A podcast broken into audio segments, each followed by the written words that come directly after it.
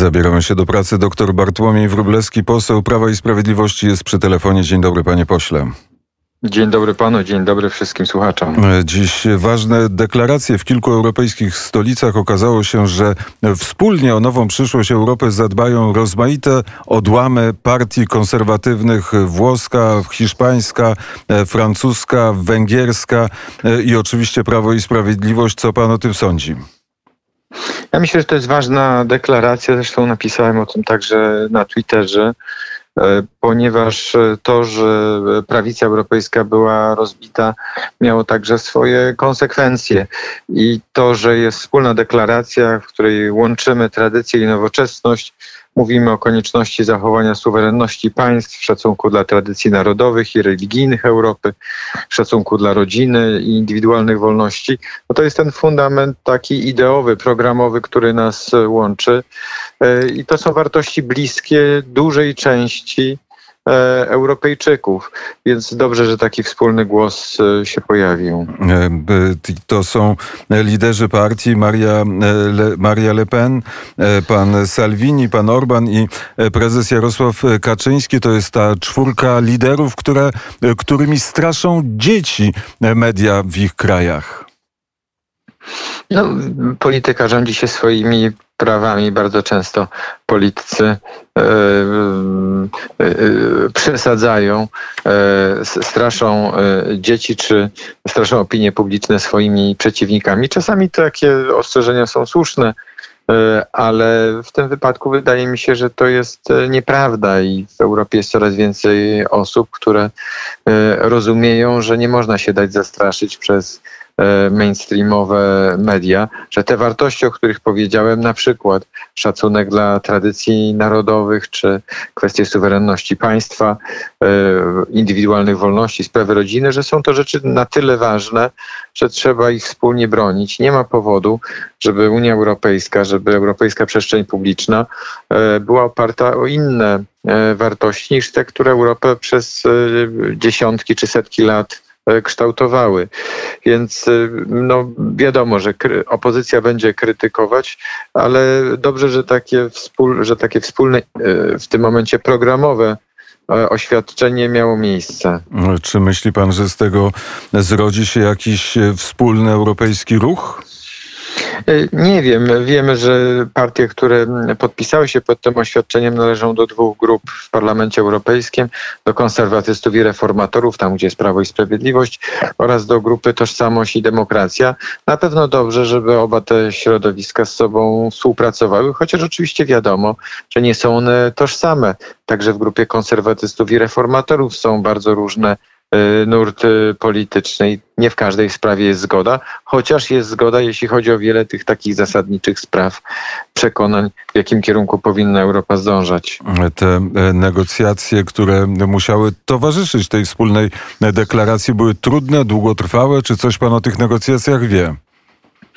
One były trudne, dlatego że, mm, tak jak przed chwilą już zasygnalizowałem, to nie jest tak, że partie, które wchodzą w skład, y, które podpisały się pod tą deklaracją, są we wszystkich sprawach się zgadzają. Y, y, na tle tych partii Prawo i Sprawiedliwość, jeśli chodzi o, na przykład, o taki rys, no nie wiem, chrześcijański, można powiedzieć, przy, przywiązanie do wartości chrześcijańskich na pewno się wyróżnia, czy partia Vox e, z Hiszpanii, ale nie wszystkie partie na przykład mają taki charakter. Są też różnice na przykład, jeśli chodzi o postrzeganie polityki e, zagranicznej. No ale jak wiemy, to jest zjawisko, które dotyczy nawet samych partii politycznych, że też przecież są różne poglądy na wiele e, kwestii. Tak samo różne poglądy są w obozie chadeckim w Europie czy socjaldemokratycznym. Więc to trzeba rozumieć, że różnice istnieją, ale powtarzam, jest sporo rzeczy, które łączy i o tym jest przede wszystkim ta deklaracja. E, I e, oczywiście powiedział Pan na sprawy zagraniczne, na temat Rosji, różne przekonania i już widzę te nagłówki w gazetach, że oto zrodził się w Europie proputinowski ruch. No, jest prawdą, że y, y, duża część zachodnioeuropejskiej klasy politycznej i chadecy, Angeli Merkel i socjaldemokraci niemieccy na przykład i y, środowisko Macrona czy mm, środowisko Frontu Narodowego do, mm, dużo mniej trzeźwo patrzy na wschód Europy, ma inne doświadczenia historyczne, być może też inne interesy. Polska wiadomo nie jest antyrosyjska, aczkolwiek ma doświadczenia złe historyczne i od wielu lat, no, czasów w szczególności już mocno Lecha Kaczyńskiego, także w ostatnich dziesięcioleciach ostrzegała przed e, taką no, bardzo agresywną polityką rosyjską w Gruzji, później, w Ukra e, później na Ukrainie.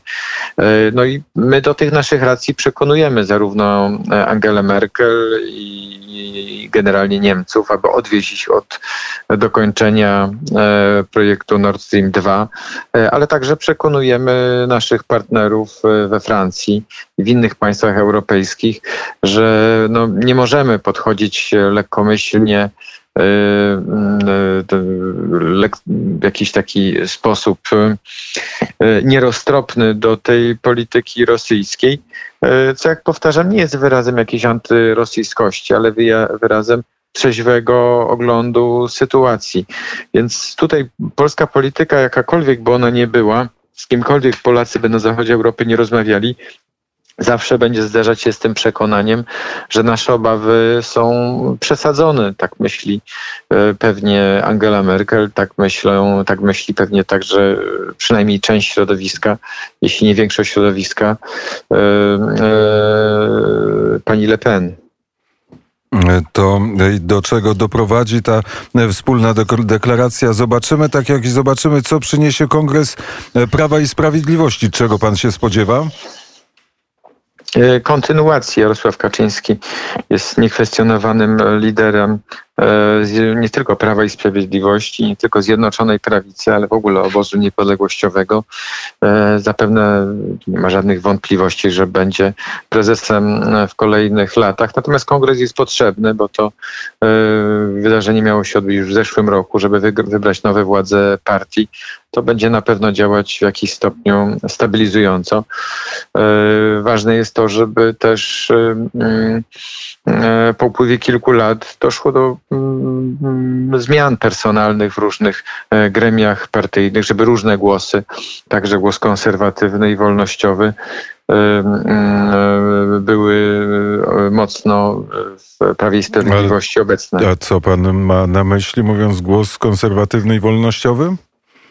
No, myślę o tej części Zjednoczonej Prawicy, dla których te wartości tożsamościowe są takim zasadniczym elementem sprawy dotyczące na przykład ochrony życia, e, spraw rodziny, e, praw rodziców, miejsca, y, y, miejsca kościoła w życiu publicznym, ale także kwestie y, wolnościowe dotyczące na przykład właśnie takich tradycyjnych wolności jednostki, wolności gospodarczej.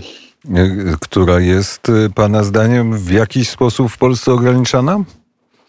No, wolność gospodarcza w naturalny sposób musi być ograniczana, jest ograniczana na całym świecie. Chodzi tylko o to, żeby zakres tych ograniczeń no, nie tylko był zgodny z konstytucją, bo to jest wymóg formalny, no ale żeby mm, ta swoboda była możliwie duża, żeby ludzie mogli e, prowadzić e, działania gospodarcze, ale także, żeby tą wolność mogli realizować w innych obszarach, na przykład prowadząc szkoły, na przykład ucząc e, swoje dzieci. No ten element wolnościowy jest rzeczą fundamentalną, także w oświadczeniu, o którym, od którego dzisiejszą rozmowę rozpoczęliśmy, jest właśnie mowa o zachowaniu tych indywidualnych wolności. A politycznie jakie ten kongres będzie miał znaczenie? Przede wszystkim stabilizujące, ponieważ mm, ze względu na pandemię jest on odkładany od zeszłego roku, y, więc musi nastąpić potwierdzenie mandatu E, pozycja, wejdę, wejdę w słowo, pozycja Jarosława Kaczyńskiego jest oczywiście e, niekwestionowana i niezagrożona, ale jest ważne, kto będzie e, tym bezpośrednim zapleczem, kto, który z polityków zyska sobie to miano najbardziej wpływowego. Myśli pan, że kto to będzie? Czy tutaj nie ma wątpliwości, że w wielu obszarach wiele decyzji personalnych będzie stabilizowało, czyli będzie powtórzeniem, będzie potwierdzeniem mandatu osób, które są w kierownictwie Prawa i Sprawiedliwości od dawna, chociaż oczywiście będą także, myślę, zmiany, które mm, no, zgodnie z zasadą, że nic, że wszystko płynie i że co kilka lat musi dojść, dochodzić do to, odnowienia. Także to, to, jest oczywiście prawo, które ma zastosowanie także do polityki i do e, Prawa i Sprawiedliwości. To zadam jeszcze inaczej to samo pytanie. Jak popularny wewnątrz e, Prawa i Sprawiedliwości jest premier Mateusz Morawiecki? No, pozycja premiera jest bardzo silna. Jest bardzo silna, dlatego że jest już od e, czterech lat, e, prawie od czterech lat e, premierem. Jest silna dlatego, że Polska no, dobrze poradziła sobie w okresie pandemii, że wyniki gospodarcze są świetne, że rozpoczęła się realizacja nowego ładu. Myślę też, że mm, premier zżył się z dużą częścią Prawa i Sprawiedliwości, e, więc jego pozycja jest silna i znajdzie to też swój wyraz na kongresie. Był pan bliski tego, żeby zostać rzecznikiem praw obywatelskich. Nie został pan. Jest ktoś, kto może zostać w Polsce rzecznikiem praw obywatelskich, czy nie ma takiej osoby? No, na pewno jest, dlatego że e, już dzisiejsza deklaracja o tym, że e, profesor Wiącek e, będzie niejako wspólnym kandydatem wielu sił politycznych, no, wskazuje, że arytmetycznie szanse są bardzo duże. Właściwie jest niemal pewność, że on tym, on może zostać być mo- i, i pewnie zostanie rzecznikiem praw obywatelskich, a więc taka możliwość jest. Jest dobrym kandydatem z Pana punktu widzenia? E, jest na pewno dobrym fachowcem, e, osobą, wydaje się, mm, taką wyważoną. E, natomiast oczywiście dla wyborców tradycyjnych, dla tych wszystkich osób, które rozumieją znaczenie tego sporu kulturowego, cywilizacyjnego, który się toczy, będzie bardzo długo mm, istniała obawa, czy będzie osobą, która będzie broniła tych mm, wolności praw które są zapisane w polskiej konstytucji, e, w jej takim tradycyjnym rozumieniu, ugruntowanym przez Trybunał Konstytucyjny w ostatnich e, dziesięcioleciach. E, więc dla wielu z naszych wyborców to jest sprawa zupełnie zasadnicza i mm, rola Rzecznika Praw Obywatelskich w tym obszarze jest bardzo istotna. W ostatnich latach Rzecznik Praw Obywatelskich próbował dokonać takiej progresywnej interpretacji konstytucji z konsekwencją taką, że bez zmiany przepisów wiele zjawisk społecznych nieakceptowanych, y, no, takich y, przez dużą część społeczeństwa, takich jak y, małżeństwa osób tej samej płci, mogłyby mieć miejsce nawet bez zmiany przepisów, tylko poprzez ich reinterpretację. Więc Rzecznik Praw Obywatelskich ma bardzo dużo instrumentów, żeby w tej sferze działać. No i może działać albo broniąc tego, co zapisano w Konstytucji, albo podważając to. E, I mm, ta sprawa no, jest sprawą taką bardzo zasadniczą, fundamentalną. I no ostatecznie jak będzie, to się przekonamy pewnie po roku, dwóch, trzech urzędowania i wtedy będziemy mogli to, e, to ocenić. A na podstawie dotychczasowych wypowiedzi profesora Wiązka nie można stwierdzić, po której stronie tej barykady będzie umieszczony i się umieści?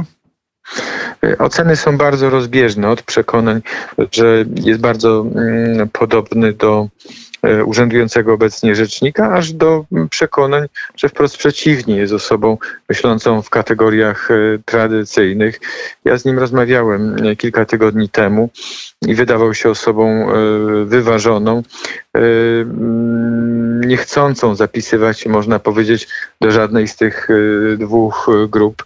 Więc myślę, że jest taka jest taką czystą kartą. Trudno powiedzieć, jak będzie, jak będzie działał. No mam nadzieję, że będzie, że jeśli zostanie wybrany na rzecznika, utrzyma to tradycyjne rozumienie i będzie stawał, jeśli potrzeba, w obronie prawa do życia, wolności rodziny, rodziców do wychowania dzieci zgodnie z własnymi przekonaniami.